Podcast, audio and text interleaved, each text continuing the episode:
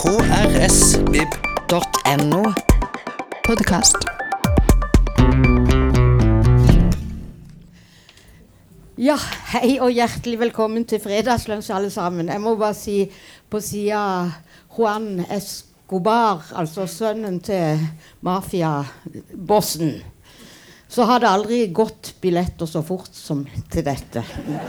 uh, eh, stemmen fra Afrika, verdensreporter, medierådgiver for presidenten i Sør-Sudan har mottatt den store journalistprisen for nytenkende dekning av det afrikanske kontinentet. Han har et blikk for historier som er overtruffent, sier Harald Stanghelle. Kringkastingssjefens språkpris gikk i 2019 til en medarbeider som har ord i sin makt, både muntlig og skriftlig, og, men ikke nok om det. Han henvender seg både til gamle og nye plattformer. Dette ordet, begrepet plattformer er jo blitt Men det gjør han faktisk. Mange av oss har fått med podkastene. Nå er de kommet i bok. 'Afrikanske fortellinger'. Tar godt imot Tom Christiansen.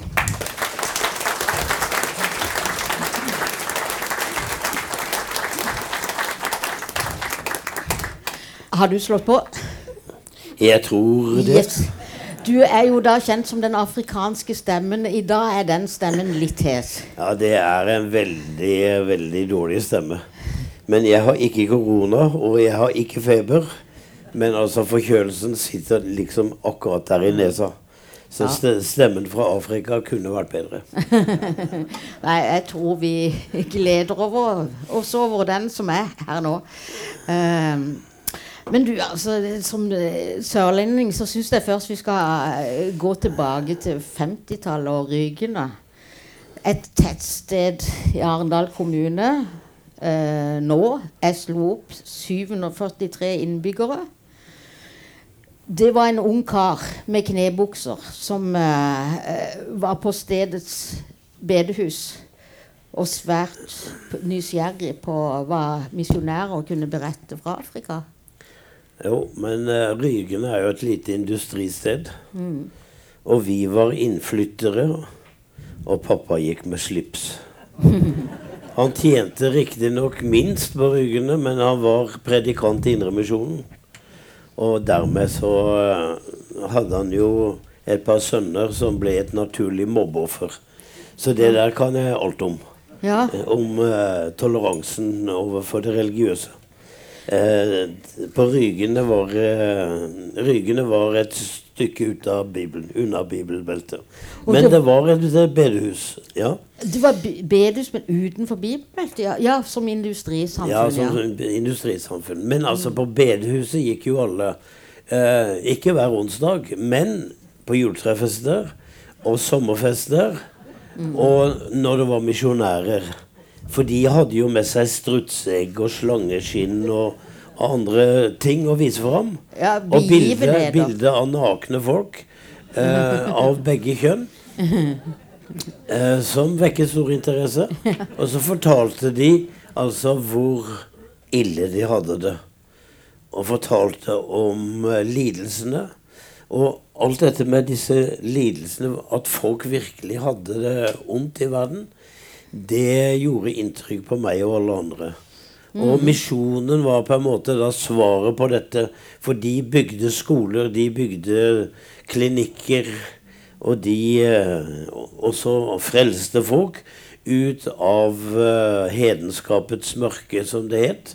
Eh, når jeg har kikket litt nærmere tilbake på det, så vil jeg vel si at det var en del tradisjoner som afrikanerne kunne klare seg uten, som barneofringer og eh, hevndrap og en del sånne ting. Men det var sammensatt. Og, uh, vi hadde nylig besøk av Lin, Lene Ask, som har skrevet Ja, ja. Så, eh, så, så det var jo ikke bare kontinentet kontinenten som ble utsatt, men også misjonærbarna. Ja.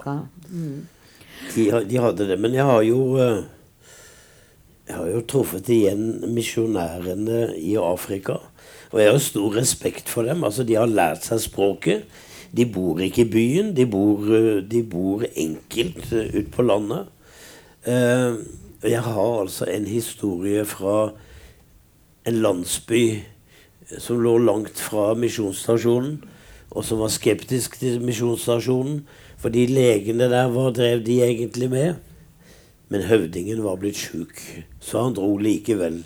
Dro langt og ble kjørt langt til eh, misjonsstasjonen og inn på klinikken, hvor han lå i noen dager, og så ble han frisk. Og misjonæren ville gjøre ære på den gamle høvdingen, så han inviterte han med hjem. Og der hadde de altså en flott kveld hvor de grilla kjøtt og, eh, og, og hadde det flott. Og så kom han hjem, og hele landsbyen var samlet til de ville høre eh, hvordan det hadde vært. Og han fortalte livlig jo, vær ikke redd for misjonærene. De, de er flinke folk, og jeg er blitt frisk. Ja, men hvordan var det? var det en som spurte. Jo, sa han. Det skal jeg si dere. At en hvite mann, det er en raring. Han spiser ute og driter inne. ja, eh, eh, tenkte du noen gang sjøl på å bli misjonær? Nei, Nei? det har ikke ligget for meg. Men eh, det har ligget, lig, ligget for deg å, å, å, fortelle. Men altså Du beskriver også din far som en uh, nådebegava forteller. Han var jo predikant. Ja, han altså Han uh, Han var en god historieforteller. Mm. Han hadde altså en sånn dramaturgi som gjorde at uh, du fikk liksom ikke poenget før akkurat der det virka best. Og han hadde et visst grad til det sentimentale. Så han gikk jo, og han ble jo grepet av sin egen forkynnelse. Så de, de, de kalte han jo mye for 'mannen med lommetørkle', og det syns jo ikke vi ungene var noe særlig, altså. Nei. Nei, for det var fort en uh, tåre i øyekroken uh, mens han ja, var på topp der ja, på ja. fortellinga. Men, men, jeg bare lurer på Har du noen gang følt det sånn sjøl, når du har rapportert at nå var det sterkt? Ja, det har jeg gjort når jeg har rapportert om eh, møter med mennesker eh, som har gjort eh, inntrykk. jeg har jo kommet til å se ting jeg ikke hadde trengt å se. Av vold og bestialitet og, og, og, og sånn. Men det som gjør at jeg er blitt grepet, det er det jo når du kommer til Sør-Afrika og ser at all den faenskap du har sett, blir tilgitt. Og du er der når det skjer. Når du sitter på de der høringene til Sannhets- og forsoningskommisjonen i Sør-Afrika, hvor folk forteller hva de har gjort. Og der sitter enka som hele sitt voksne liv har lurt på hvor ble det av mannen min. Hvem drepte han? Og her står han. Og så tar de hverandre i hendene etterpå. Da blir jeg rørt, og da blir jeg også rørt når jeg skal fortelle reportasjer videre. Så det fins noen opptak i NRK som uh, har mer tårer enn gjennomsnittlig. og, og forsoning er, sånn politisk og mellommenneskelig er, er faktisk et begrep mest knytta til Afrika. Stemmer det? Ja, altså vi har det jo Vi har jo begrepet i vår norske sammenheng forsoning. Forsoningslæren og det i en sånn religiøs sammenheng. Eh, hvor man skal forsone seg med Gud. Man skal gi opp sin motstand mot Gud. Mm. Så kommer jeg til Sør-Afrika. Apartheid er over. Det skal bli et nytt regime svarte skal overta? Og hva med de hvite som har torturert og drept i årevis? Av politiske grunner, av politiske grunner, av politiske grunner. Skal vi bare sette en strek over det? Eh, hvis vi ikke gjør det, så er regjeringen som er på vei ut, den første som skal fengsles.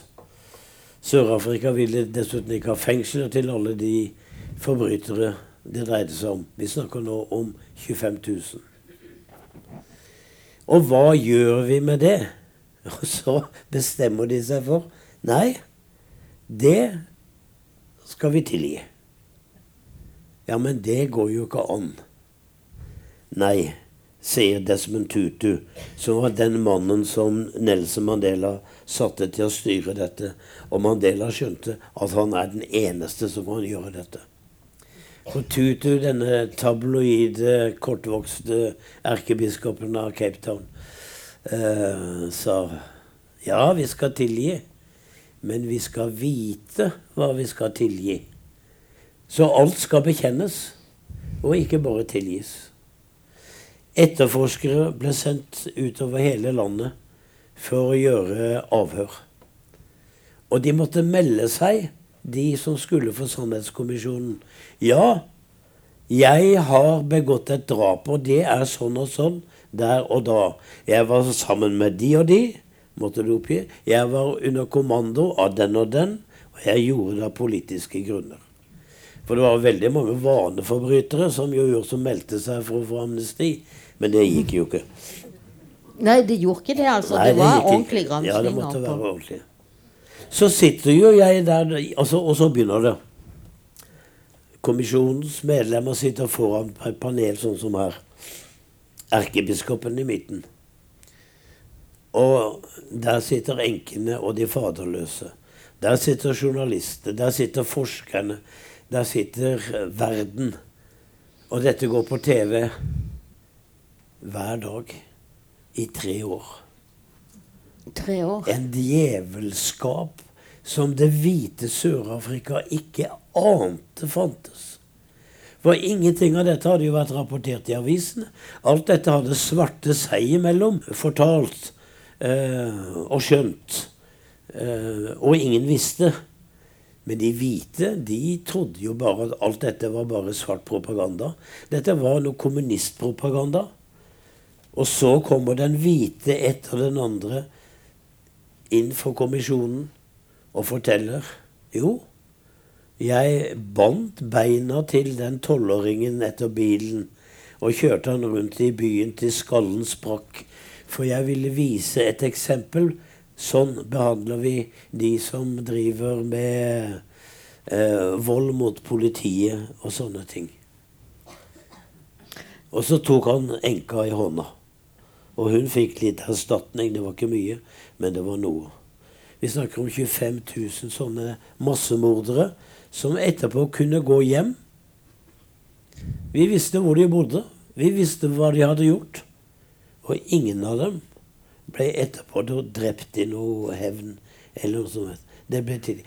Og jeg satt der og hørte på disse vitnemålene. Og jeg kjente at jeg ble rasende. Dette er ikke rettferdig. Dette, dette er skal, skal, skal de folka som har altså ødelagt livet til alle de damene som sitter nedover her, skal de bare knipse i fingrene og gå hjem? Med et enkelt håndtrykk? Og jeg sa det til Tutu en gang jeg traff han, at det er jo flott dette her, da. Men det er jo ikke rettferdig. Nei, sa han. Det er ikke det. Det er ikke rettferdig. Men vi må gjøre det. Og dessuten så fins det noe som er større stundom, og det er tilgivelsen. Nåden, Mr. Tom, har du hørt om nåden? Ja da, jeg jeg har hørt om nåden på bedehuset. Men nå kom den i ny utgave. Og så er det Nelson Mandela, som jo ikke var noen religiøs mann, men som sier at nåden, tilgivelsen, det er mitt politiske instrument. Det er ikke en religiøs handling. Biskopen tar seg av det. Han tar seg av de foldede hender. Men jeg får ta meg av knyttnevene. Fordi at eh, det var sånn det måtte gjøres. Denne knuten måtte hugges over, og det var måten å gjøre det på. Men opplevde du at du var mer rasende enn faktisk de? Ja. Ja. Det var jeg. Og jeg var også rasende på Vinnie Mandela, som begikk det ene Og det var korrupsjon, og så var hun involvert i vold mot ungdom og andre ting. Og ble tilgitt av hele landet. Og hun ble dømt og sona ikke.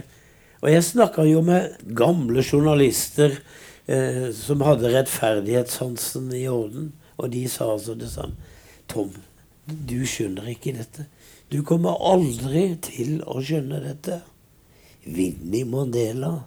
Ja, hun har stjålet noen penger. Ja, hun har banka opp noen ungdommer. Men hun er jo nasjonens mor.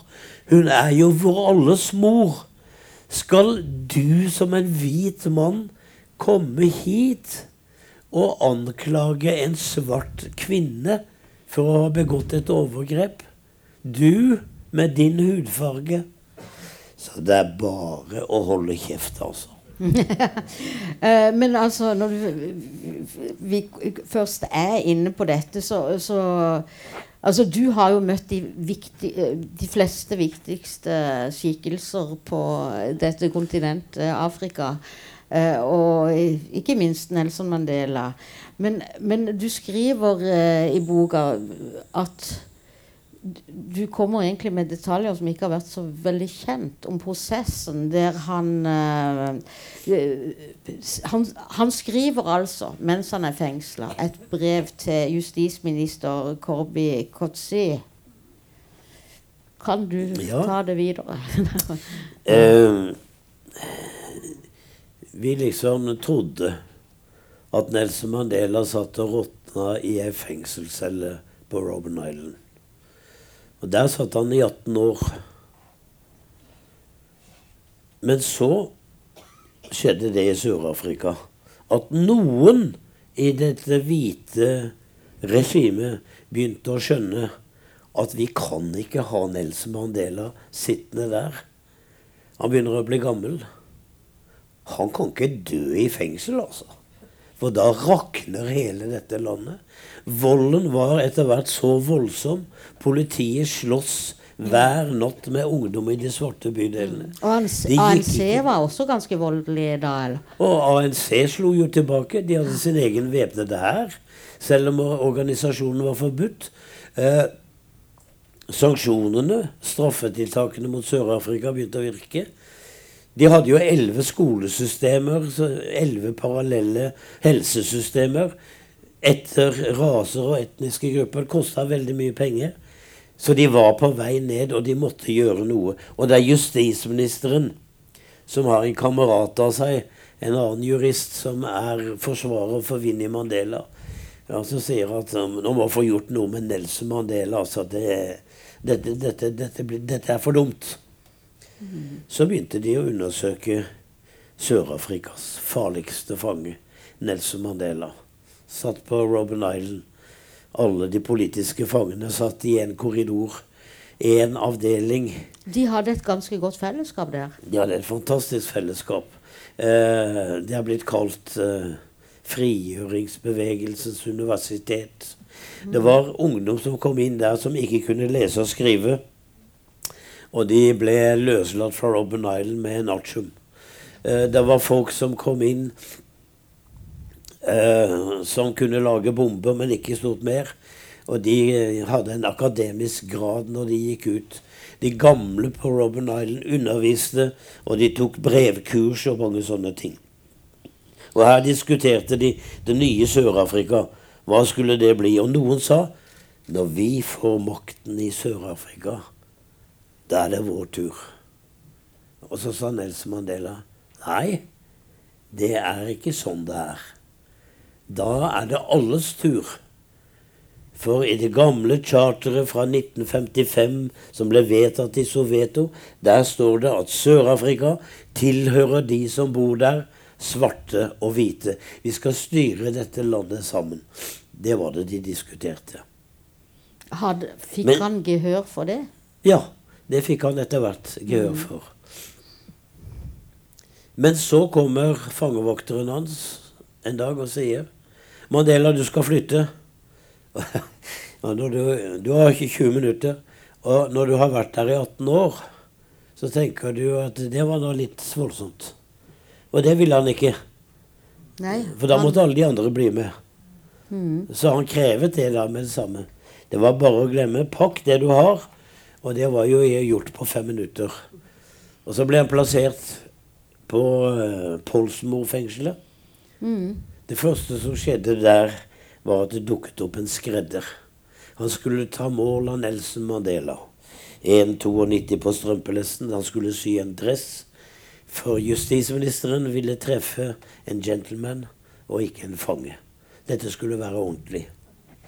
Ja, og da hører det med til historien at det er justisministeren som står bak denne forflytninga. Mm. Det er justisministeren som står bak forflytningen. Han skjønner, og han sier ikke til noen andre at han har kontakt med Nelson Mandela.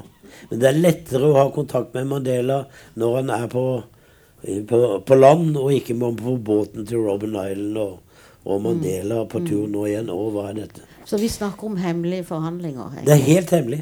Det er helt hemmelig. Og Kobi Kotsi skjønner at dette blir vanskeligere enn han hadde trodd. For Mandela han vil ikke løslates, han. Nei, dette, Mr. Kotsi, dette har jeg ikke travelt med. Nei. Ja, men så sier, så sier Mandela Du skal høre det.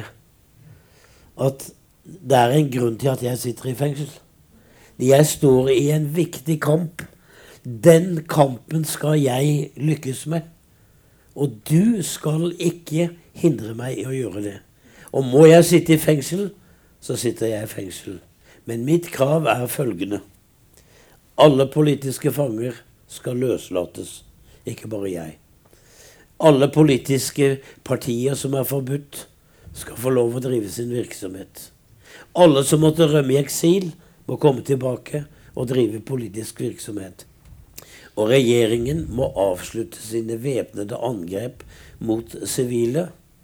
Og først da, mister justisminister, skal vi vurdere om vi skal nedlegge en konto ved SISV, som var den væpnede fløyen av ANC. 40 møter hadde de. Ja. Til slutt så ble det så travelt at de måtte flytte han det stille fengsel inne på Vinlandet i Cape Town. Og der måtte eh, fengselsdirektøren flytte ut av sin bungalow. Og inn flytta Nelson Mandela med eget svømmebasseng og, og grønnsakshage. Og en hvit tjener som lagde mat og strøk skjorter og ellers passet på. Og så var det møter med ANC, og så var det møter med regjeringen. Og så var det sånn Ja, men Mandela, vi vil ha deg ut. Not too fast. Not too fast. Fordi det kokte i Sør-Afrika. Ja. Det kokte etter hvert. Og etter hvert så var det jo noen som hadde hørt om uh, at det var kontakt. Og at Mandela ikke var på Robben Island lenger. Og da var det noen som skjønte. Hva skjer? Og jeg husker de dagene. Det var For presidenten fikk slag. Bota fikk slag Ja, i 1989. Og de måtte få ny president. Og det var Fredrik de Klerk. Og det nærmer seg tiden for åpningen av parlamentet i februar. Og han skulle holde åpningstalen. Og hva ville han si? Han var kjent som en hardliner. Han dro på hytta si i Hermanus utenfor Cape Town, ved havet hvor hvalene leker og parer seg. Men han hadde ikke tid til å se på det. Han skrev med en tale. Nei, han skrev to taler. I den ene talen Hvilken skal jeg velge? I den ene talen sier han at svarte skal få det enklere. Bedre skoler, bedre helse. Eh, og på sikt stemmerett.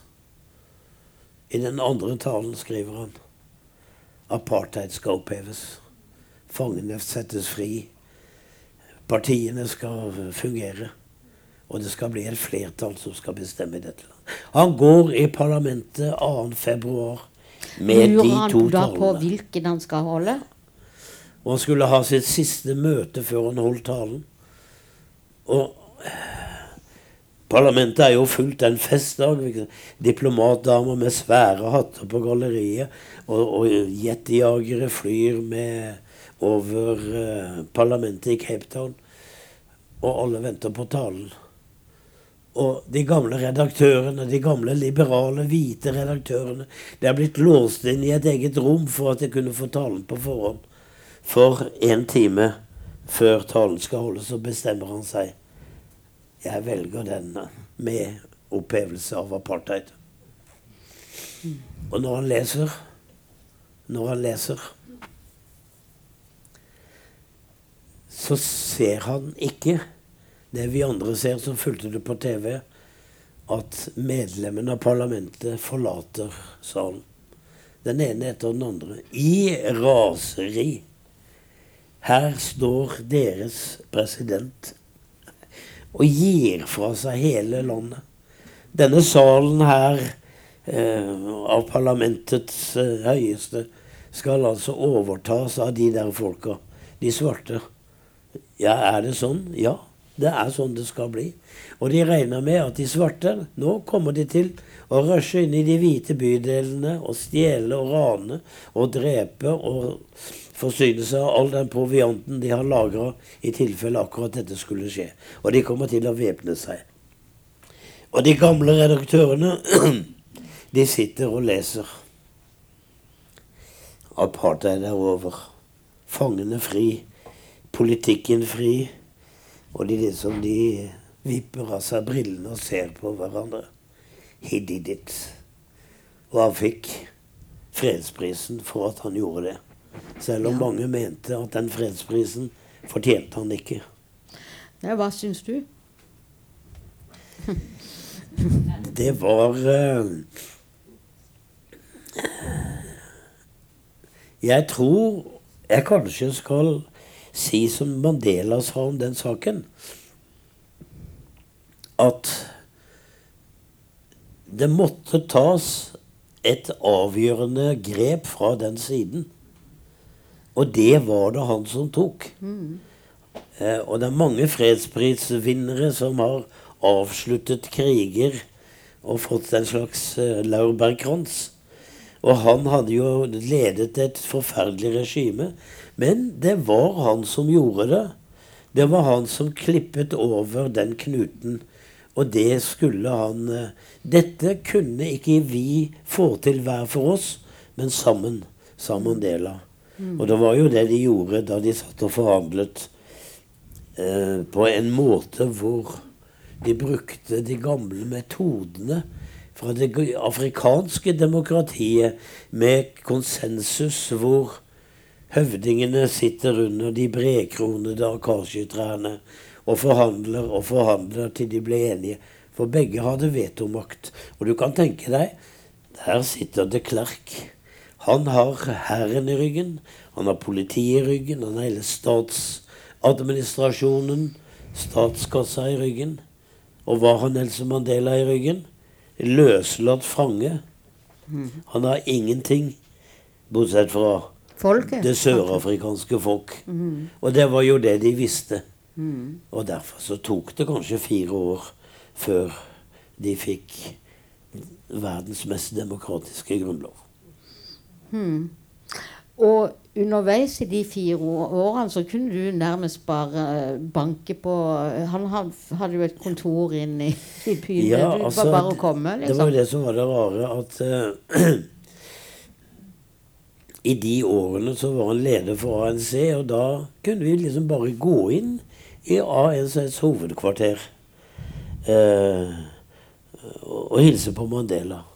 Og det var ikke noe vakt i porten, og det var ikke annet enn en mann som satt og sendte deg til riktig etasje. Og hadde du vært på et par pressekonferanser med Nelson Mandela, så husket han navnene til alle de som var der. Og hvis jeg traff han i en pause i et møte, så sa han Ah, good afternoon, Mr. Tom. How are you? How is the family? How is the family?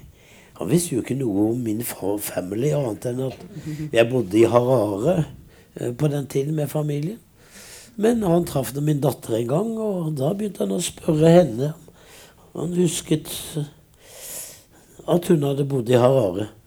Han var altså et menneske, så når du satt der med han, så var det bare de Jeg har jo opplevd mange ganger når jeg har snakka med fine folk, at eh, de snakker jo ikke til meg, men de snakker jo til mikrofonen, da. Jeg stiller et spørsmål, og så snakker de til lytterne. Mandela snakker til deg. Han har øyekontakt. Og det er liksom som at de andre blir borte i den kontakten. Det er bare det. Og du, du har, beskriver jo også hvordan han er når han møter barn. Ja, fordi eh, Mandela hadde jo barn, men fikk jo aldri ha noen på fanget. Og eh, noen ganger så smugla de unger inn til land på fengselet. Altså egne barn og etter hvert da barnebarn. Og det var altså høydepunktene i, i hans i fengselsår å ha med barn å gjøre. Og jeg husker etter at han ble president, og så hadde han bursdag Og da gikk han ut på fjernsyn dagen i forveien, og så sa han eh, I morgen har jeg bursdag. Alle dere som er under tolv år og har bursdag i morgen, kan dere være greie å ringe meg. N- Nummeret står på skjermen. Så den neste dagen satt altså Nelson Mandela fra åtte om morgenen til seks om kvelden og snakka med unger som ringte inn. Og han ville høre hva de strevde med. Og han ville høre hva foreldrene deres gjorde, hvor de bodde, og om det var hva, hva slags idrett de holdt på med. Og han ville høre hva de lærte på skolen, og hva de syntes var vanskelig i, i livet, osv. osv. Og han spurte jo dattera mi eh, da han traff henne. Det var i Oslo da han var her for å treffe fredsprisen. Ja, du som går på skole, har gått på skole i Zimbabwe. Eh, lærer de noe der om Afrika, eller er det bare om dronning Victoria? Nei, sa, sa Kaja. We learn about you too. Og, og rødmet kledelig. Og, og nå snakker du om eh, fredsprisvinner. Og da tenker jeg også på en annen situasjon der det ender opp med en fredsprisvinner som kanskje gjorde et feil grep. Vi er tilbake vi er i Rwanda, og 800 000 drept på 100 dager. Du mener, eh, skriver, at det kunne vært unngått? Det kunne vært unngått, ja. Fordi det var eh, hutuer og tutsier. Og hutuene hadde bestemt seg for å likvidere tutsiene. Eh, det hadde vært en lang konflikt, mange eh, episoder og forsøk på folkemord. Men nå var det en plan. Og eh, den som var general for FNs fredsbevarende styrker, hadde fått vite fra noen som var involvert her, og som fikk dårlig samvittighet, at det var bygget opp en hemmelig milits. Det var distribuert macheter og våpen over hele landet. Det var lagt en plan for at man skulle kunne drepe 1000 mennesker på 20 minutter. Man hadde en strategi for dette. Og generalen han ba om å få se våpnene. Han trodde det ikke, og han fikk se våpnene. Så han ringte jo til slutt og sendte fakser til New York og sier det er et folkemord under planlegging. Vi er for få, og vi må gripe an. Men det passer ikke med det mandat jeg har. Eh, så jeg må få en beskjed fra Sikkerhetsrådet eller fra generalsekretæren. Men lederen for FNs væpnede styrker i New York, han hørte på dette, og han sa nei, du gjør ingenting. Og han som sa nei, var Kofi Annan. Og han som var generalsekretær i FN på det tidspunktet, Brutor Skali, hadde tidligere vært utenriksminister i Egypt og solgt våpen til Rwanda for å ruste opp Hutu-hæren til å ta kontroll over tutsiene. Så eh, generalen i Rwanda Når han så hvordan det gikk Han dro hjem til Canada. Gikk nedenom og hjem og endte som et psykisk vrak. Mens han andre fikk Nobels fredspris. Og eh, Kofi Annan har siden sagt at uh, det er nok det som har tynget meg mest i mitt liv, at jeg gjorde det. Men tanken han hadde inne, var at uh, hvis vi hadde beslaglagt de våpnene, ville FN-styrken bli slakta ned. Og det var ikke tid eller anledning til å få inn flere. Og han ville ikke få amerikanerne med på det, for de hadde aldri, allerede dumma seg ut i, i, Somalia et par år i forveien. Bla, bla, bla. Men sånn, sånn var den historien. Ja, et stadig tilbake Eller stadig gjentagende ting at styresmakter i Vesten sørger for overgrep som kunne vært unngått. Det, det, det, det, er ikke den eneste gangen, vel? Nei, det er stadig. Mm. Og mm. jeg hadde som eller, Da jeg kom til Afrika i 1990 mm. som korrespondent Første gang du satte dine bein i Afrika, ja. faktisk? Mm. Det var samtidig med at Berlinmuren falt. Og da Berlinmuren falt så stoppa den kalde krigen. Og da den kalde krigen stoppa, da stoppa alle krigene i Afrika. Da falt alle diktatorene. Og hadde dette noe med hverandre å gjøre? Selvfølgelig hadde det det. Supermaktene hadde ikke lenger penger eller interesse og behov for å holde krigene i gang i Afrika. For det var jo de som finansierte det. Og var Etiopia på kommunistenes hender, så måtte nabolandene være på amerikanernes hender. Og sånn var det hele veien. Opplæring av soldater og Ja, det man sendte soldater, eller man sendte andres soldater. Eh, og, og, lærte opp krigen. Og lærte opp. Altså, Sovjetunionen sendte jo eh, masse soldater til Afrika. Og enda mer sendte geriljasoldater til eh, militær opplæring i Øst-Europa. Så det var der de fikk sin opplæring. Og Zimbabwe de fikk jo sin opplæring av nordkoreanske eh, soldater. Så det er veldig mange som har hatt fingrene sine inni alt dette, og som helst ville bli glemt etter at 90-tallet kom. Mm. Og så forsvant diktatorene. Og så ble det flerpartistyre. Og sistemann ut var liksom da Nelson Mandela, som uh, kom ut og løftet hånda, og, og, så var vi alle fri. Og så er det jo gått på trynet i land etter land. Og ja. det er jeg ikke forbausa over i det hele tatt. Nei, for, for det måtte jo skje.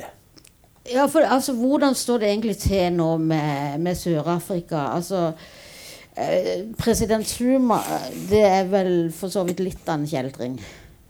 Ja, det kan man trygt si. Eh, I løpet av eh, ni år plyndret han og hans venner landet. Og det hadde gjort så ettertrykkelig at uh, flyselskapet gikk konkurs. Vannforsyningen gikk konkurs. Uh, togselskapet gikk konkurs. Uh, elektrisitetsverkene gikk konkurs. De inngikk avtaler som andre tjente penger på, som betalte litt bakenfor der igjen til Zuma og hans venner.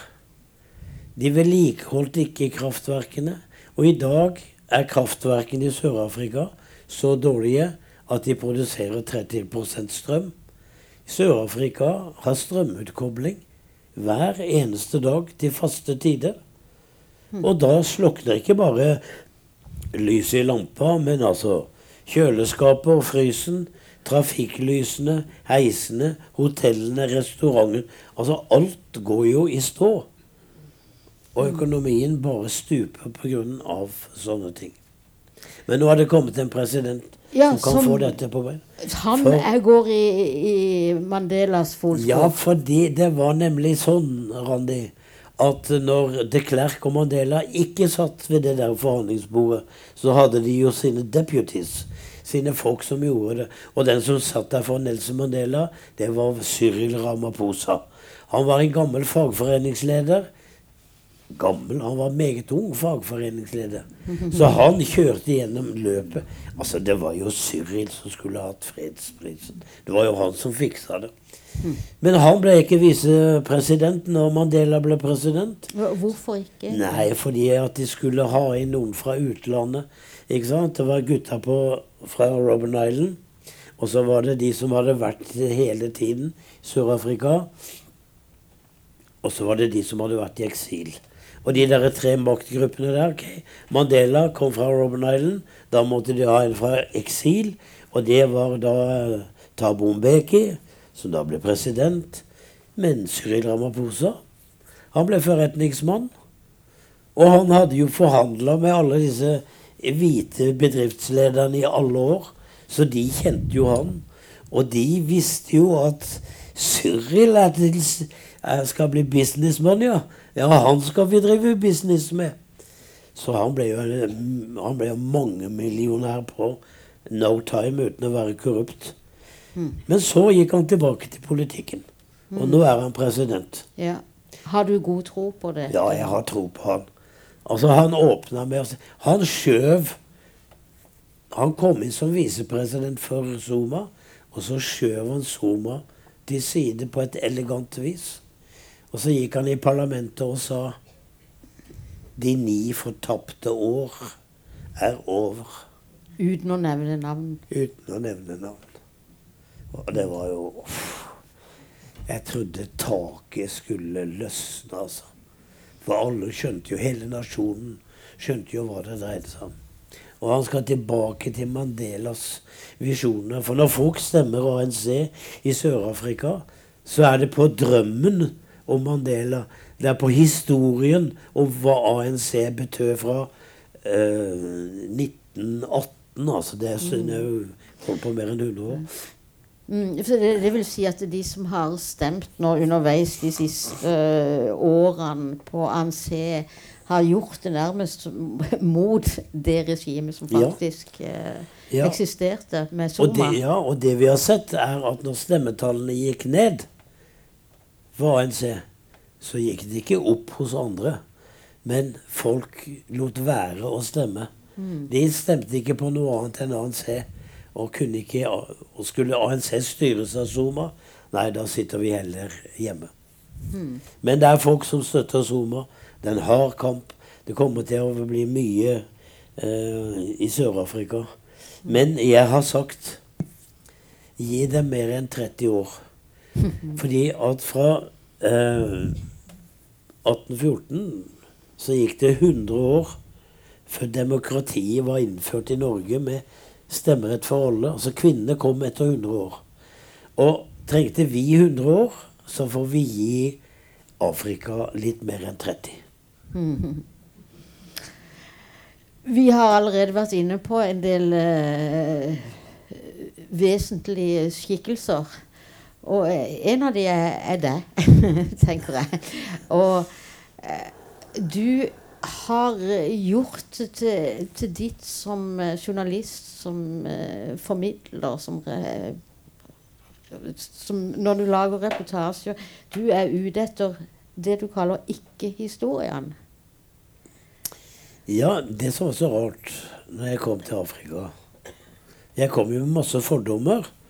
Eh, Jeg var godt opplest. Jeg kunne mye. Men jeg så ingen fattige barn.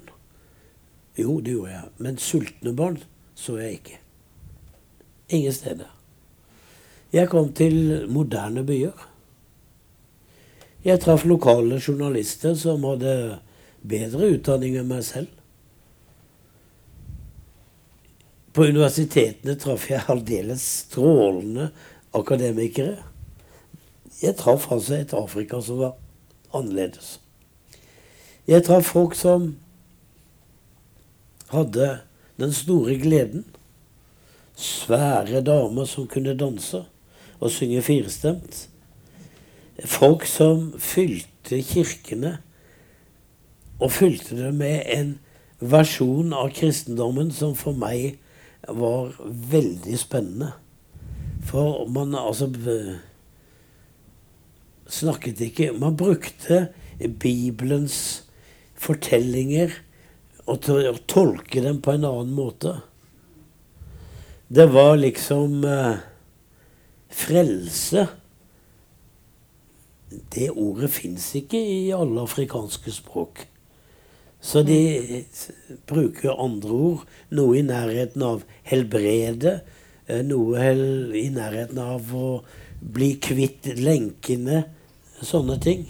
Så det de snakket om, om eh, frelsesverket til Kristus Altså, det dreide seg jo om friheten for folk. Og en dag skal havet igjen åpne seg. Og denne gang er det ikke Moses, men Madiba som skal gå tørrskodd fra Robben Island og inn til Cape Town. Og han skal gi oss det lovede land med stemmerett for alle og eiendomsrett for alle. Og jeg har hørt altså påskemorgens eh, prekener som handla mer om Mandela enn om eh, eh, Jesus. Det var en helt ny teologi og en helt ny måte å liksom å presentere Og dessuten så var jo kirkene det eneste sted hvor folk i Sør-Afrika fikk høre at det var like mye verdt som alle andre. Nå må jeg si til dere, jeg håper dere er like fengsla som meg, sånn at vi går litt lenger enn de vanlige tre kvarterene. Er det er opp med hånda for de som er med på det? ja. ja, godt å høre. For dette er, det, det er litt igjen vi må innom.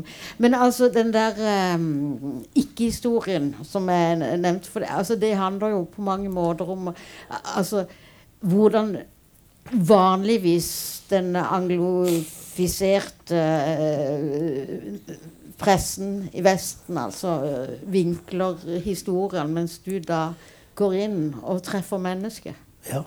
Og for, for tiden så kan du lese i avisene og høre på TV.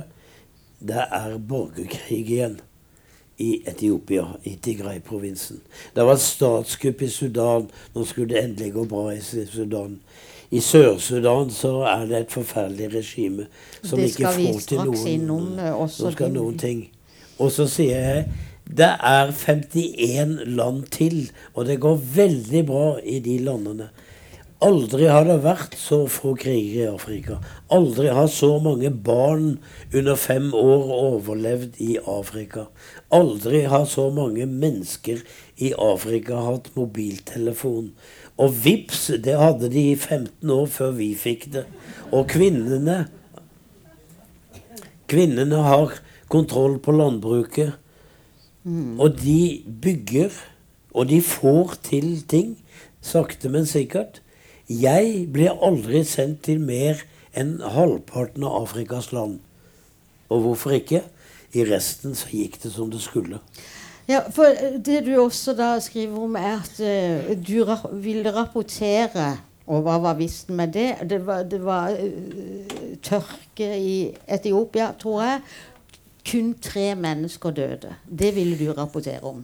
Ja, det var en interessant, for dere husker jo Dere husker jo Det ser jeg på alderen her. Eh, 84. Den store sultkatastrofen i Etiopia i 1970 med Bob Geldof og alt det der. Så kom det en ny sultkatastrofe mye seinere. Eh, for ti år siden. Og det rapporteres det kommer en tørke som er den verste på 60 år. Ti millioner mennesker står i fare for å dø. Og så døde ingen. Eller tre. Eller tre. Og hvorfor ikke? Fordi landet, Etiopia, i mellomtiden hadde de fått et meteorologisk varslingssystem som sa ifra at nå kommer det en tørke. De bygde veier, motorveier og jernbaner for å få mat ut til de områdene, og også av andre grunner. Slik at når denne tørken kom, da var maten på plass. Det de da trengte til senere hen, det var å bygge både skoler og dammer og alt mulig. Og folk tok arbeid og fikk en maissekk og vann som lønn. Og så gravde de dammer, så gravde de skoler, bygde skoler. Folk ble satt i arbeid, og ingen døde i denne sultkatastrofen som alle trodde skulle komme.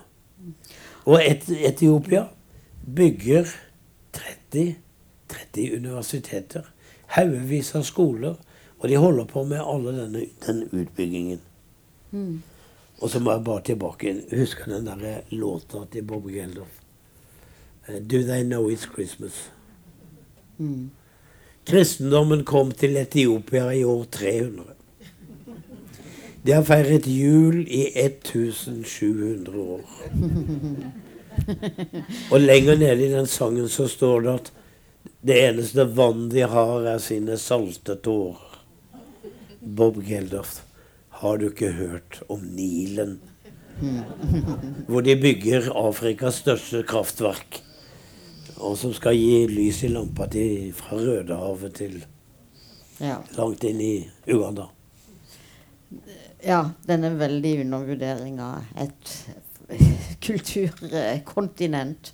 Ja. Det har, du, det har du jo også nå Fikk jeg lyst til å snakke om det, men vi, vi må jo snakke om eh, det. Men, men hvis du kan klare det kortest mulig Altså sivilisasjonen, hvor oppstår den, kan man diskutere. Men det fins jo altså et fantastisk et Timbuktu eh, og en boksamling der. Ja, altså Timbuktu er bl.a. et band i Malmö.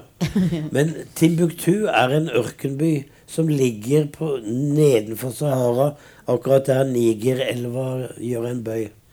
I årtusen hadde de et fakultet med tre Hadde de et universitet med tre fakulteter. Medisin, juss og teologi. Lærebøkene var papyrusruller som kom med kameler. De styrte etter stjernene fra Midtøsten og fant fram til Timbuktu.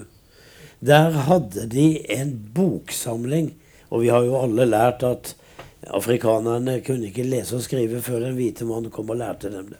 Så det fins ikke noe afrikansk historie. Nei vel. Timbuktu har et bibliotek på én million bøker fra årtusen og fremover til vår tid, inklusiv masse håndskrifter. Og alt dette forsøkte Al Qaida å ødelegge da vi bomba Libya og de dro sørover. Og de skulle knuse alt dette. Og bokhandlerne og bibliotekarene Kryss i taket, altså. Pakka alt sammen i jernkasser 2011. Jernkasser. Gravde det ned i Sahara. Fløta det videre til eh, hovedstaden og berga verdensarven. Og nå kan vi begynne å lese det vi ikke har lest før, av hvordan Afrika så ut. Så Mm. Så vi må frakte litt sivilisasjon her til Vesten, kanskje? Afrikas historie må skrives en gang på ny.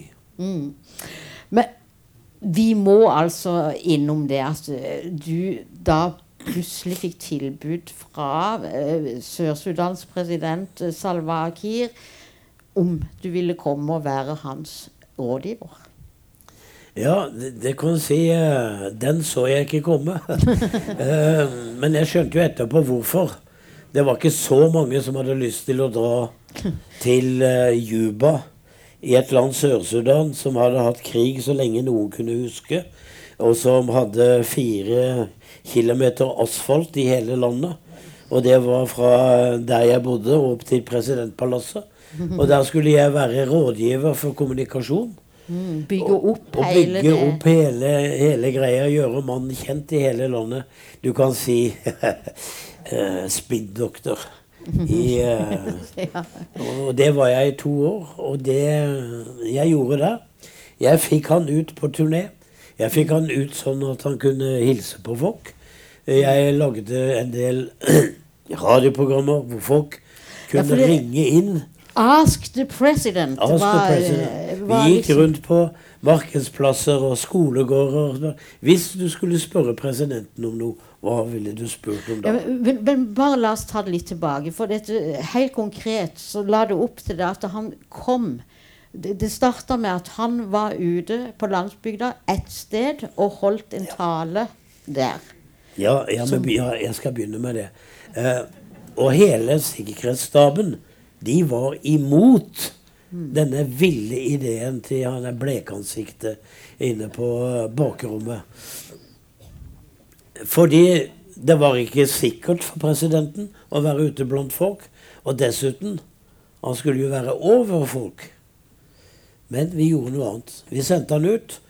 Snekra en uh, talerstol og et uh, høyttaleranlegg. Og han talte til tusener. Og etterpå Og etterpå så skulle han besøke kirkeleder og høvdinger og alt mulig. Men så kom clouet. Han skulle treffe folk flest. Og da hadde vi plukket ut 15 enker som skulle møte han. Og de satt på benker i bakgården til guvernøren. Og han satt i en litt god stol, og så var det noen andre der. Og så begynte de damene å fortelle om livet sitt. Om mannen som hadde kjempa der og der og falt i krigen, men nå hadde hun jo ingenting. Og alt, da mannen døde, så var det jo resten av familien som overtok det hun hadde. Hun ville gjerne bli sykepleier, men hvordan skulle hun få til det, osv. Og satt og hørte på lidelseshistorier ute av en annen verden. Og det var jo akkurat det de frykta, at han skulle sitte der og høre hvor dårlig folk hadde det rundt omkring. Men det gjorde noe med han. Han fikk altså en kontakt med folk. Og så videreførte vi dette som radioprogrammer. Ja, for det, det ble tydelig at han kunne ikke få til å fortsette Altså det var ikke politisk vilje til at han kunne holde på sånn, og kanskje også Nei. sikkerhetsmessig. Så da måtte du finne på noe nytt. Ja, så sa de, så sa de også Ja, men herregud, treffe femte enke, hva er det for noe? Det er jo flere millioner her. Men altså bare ryktet om at Salva Kiir hadde sittet med 15 kvinnfolk og prata om all verdens ting, og de hadde sitt kritiske spørsmål Det spredde seg jo fra landsby til landsby. Og han ville ha fortsatt med dette. Han ville fortsatt Men med det. Men da, da fant du og teamet på noe lurt, som Ja. da heter Ask the President. Vi ville lage radioprogrammer hvor vi gikk ut og spurte skoleungdom, eh, studenter, eh, husmødre, folk på markedsplassen, hvilke spørsmål de hadde. Og så hadde vi han i studio hvor han svarte på disse spørsmålene da, som vi spilte av. Og der hører liksom en tolvåring presidenten svare på spørsmålet han har stilt. Faren min døde i krigen, eh, og nå vil jeg ha skolegang. Hva skal jeg gjøre, for mamma har ikke penger? Og da hører han at eh, jo, vi har noen regler som sier at du har rett på skolegang. Jeg kan ikke love deg all verden, men du har rett på skole. Du kan gå til din skole og si at jeg har sagt det. Og sånn forandra dette primitive samfunnet seg. De hadde hørt presidenten si det på radioen, og han brukte sin makt på den måten. Mm. Mm. Også, men i dette her uh, krigsprega landet, så var jo også retorikken nærmest ganske krigsprega. Og da går du inn til presidenten og sier Må du bruke det språket? Ja, fordi hele lederskapet hadde jo militær bakgrunn etter 30 år med krig. Og hver gang kritikken ble retta mot Sør-Sudan, så sa Sør... Og det var, det var naboland, og særlig Sudan, som de jo var i allianse med og skulle løsrives fra, eh, som truet, og var veldig truende. Og da svarte, da svarte Salva Kiir at vi er klar til krig når som helst. Vi tar enhver konflikt. Vi har soldater utplassert overalt. Og de flytta styrker til områder hvor det begynte å bli hetere. Og da gikk jeg til presidenten, for det kunne jo jeg gjøre. Jeg kunne jo si akkurat hva jeg ville til han. Fordi at jeg var jo den eneste som ikke hadde noen karriere å ta hensyn til. Jeg skulle bare være der, gi noen råd og dra igjen. Alle de, andre, de, alle de andre de måtte jo passe på klanen og stammen og eh, soldatene og alt det der. Så jeg sa at eh, skulle du ikke heller legge den der retorikken til side? Det skaper så dårlig stemning. For hver gang du sier det, Salva, så hører du jo hva al-Bashir der oppe i Khartoum sier. Han blir jo villere og villere for hver gang. Ja, det har du jaggu meg rett i. Det har du jaggu meg rett Og så presenterer du altså regnbuefolket, inspirert av Desmond Tutu? Ja, og det hadde en annen bakgrunn, nemlig etter hvert som det var blitt fred i Sør-Sudan, så var det jo mange etniske grupper som sto i motsetninger til hverandre. Og nå ble de konfliktene tydeligere. Det var kvegtyverier, det var grupper som blanda seg i hverandre, osv., osv. Og det var mye etniske konflikter. Og da sa jeg til Salva Kiir at du må huske på at jeg har jo vært i Sør-Afrika før. Og der grep Desmond Tutu inn når de etniske gruppene begynte å stå mot hverandre i Sør-Afrika. Og det han sa da, Salva, det var følgende Alle disse forskjellene er ikke det som skal skape konflikt, men det er det som gjør oss forskjellige, som gjør oss fargerike. We are the rainbow people of God, sa Tutu. Og det, Salva, skulle ikke du kunne si det samme? At nuerer og dinker osv alle disse greiene. Dette er farger i den store regnbuen, og vi er et regnbue. Og han syntes han hadde fått en utrolig klok rådgiver. Ja. Og du kjente på at du bidro med én millimeters fred? Ja, én millimeter fred. Og den millimeteren delte jeg med Desmond Tutu. Ja. ja. ja. Uh, dette noen av mange historier som står i boka 'Afrikanske fortellinger'. Det er mulig å kjøpe den etterpå med signatur. Så bare pass på litt avstand med forkjølelse. Eh, tusen takk for at dere ville lytte også så lenge. Men tusen takk for at du ville komme til oss. Takk for at du komme.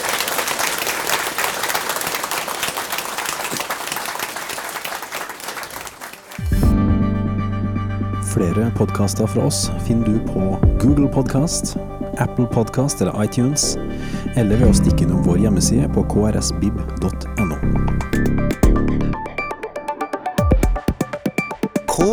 krsbib.no. Podkast.